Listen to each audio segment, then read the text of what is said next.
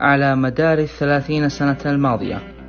دخل الأندرتيكر عداوات لا تعد ولا تحصى ودخل بعدة شخصيات وسيناريوهات مختلفة وعدة سيناريوهات لن ينساها الجمهور وبالطبع لن ينساها مارك كالوي أنا سعود من صدى المصارعة وبستعرض لكم في هذه القائمة أبرز اللحظات التي حاولت فيها ال WWE أن تخرج عن نطاق شخصية الأندرتيكر. جميعنا يعلم بأن شخصية ال Deadman واحدة من أهم الشخصيات التي تقمصها أندرتيكر بل هي أحد أهم الرموز الخاصة بالأندرتيكر.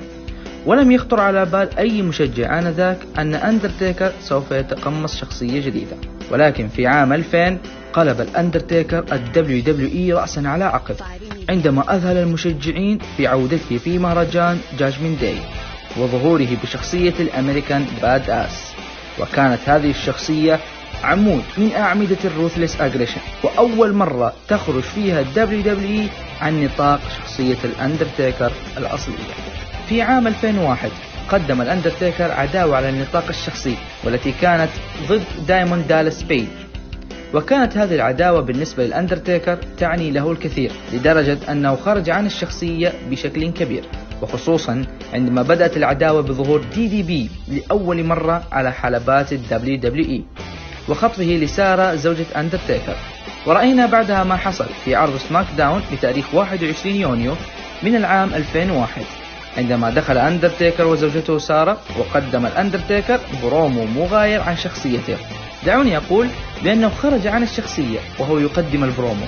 واستدعى DDP وقال جملته الشهيرة you're not famous because you suck. وخصوصا عندما رد عليه DDP بأنه في منزل أندرتيكر وسارة وأخذ يتجول في المنزل هذه اللحظة كانت أحد اللحظات التي خرج فيها الأندرتيكر عن شخصيته وتحول الموضوع بشكل شخصي لدرجة أنه تم تعذيب DDP داخل steel cage في مهرجان SummerSlam 2001 وكانت نتيجتها توحيد ألقاب الفرق لإخوة الدمار أو كما يعرفون Brother of Destructions. لا شك أن ريك فلير من أعظم المصارعين في التاريخ وشهدنا تكريمه في عرض Raw بعد WrestleMania 24 من قبل المصارعين كانت هناك لحظة صادمة لنا جميعا وهي عندما دخل أندرتيكر مرتديا ملابسه الكاملة وكأنه يتجهز لخوض معركة ولكن فجأة وبدون سابق إنذار توقف أندرتيكر وحدق في عيني ريك فلير وعانقه أمام الجميع. وكانت هذه اللحظة واحدة من أقوى اللحظات الصادمة الخاصة بكسر الأندرتيكر للشخصية الخاصة به. في عام 2002 وبعد الانتهاء من تسجيلات إحدى حلقات عرض ال Raw أمر بوكر تي أندرتيكر القيام برقصته الشهيرة. وطبعا كلنا نعلم أن أندرتيكر وقتها كان بشخصية ال American Badass ولم يكن ليفعل ذلك كونه محافظ على ال character. وكان الجمهور وقتها يريد ذلك بشدة. بعدها دخل ذا روك وتريبل اتش لإجبار تيكر على القيام بالرقصة. وانضم لهم كريستيان وفينس ماكمان وغيرهم. ورقص فينس ماكمان وتريبل اتش أمامه ليكسروا حاجز الخجل عن شخصيته. ولكن هذا لم يقنع الأندرتيكر. وانتهت الفقرة بضربة chokeslam على تريبل اتش في خطوة ذكية من الأندرتيكر. لأن لو فعلها ورقص رقصة بوكر تي ستكون من أقوى الانتكاسات في شخصية الأندرتيكر. الأندرتيكر قد يدخل في عداوات شخصية خاصة فيه ولكن من النادر أن يدخل الموضوع في عائلته وهذا ما حدث في عام 2020 وتحديدا بعد مهرجان ال Elimination Chamber دخل اي جي ستايلز في عداوة مع أندرتيكر.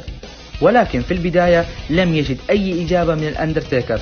حول سبب التدخلات التي تدخل عليه فيها فتحولت خطة ستايلز أنه يستدرج تيكر بأن يخبره بأنه لم يعد الأفضل وغيرها.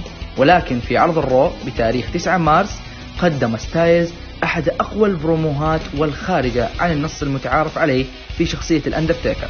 وألقى باللوم على ميشيل ماكول زوجة أندرتيكر بأنها السبب في عودته مرارا وتكرارا.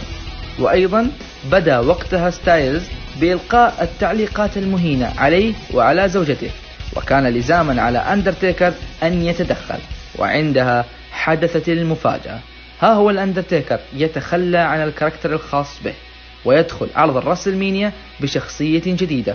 وهذه المرة كانت شخصية تجمع ال Deadman وال American Badass ومارك كالوي.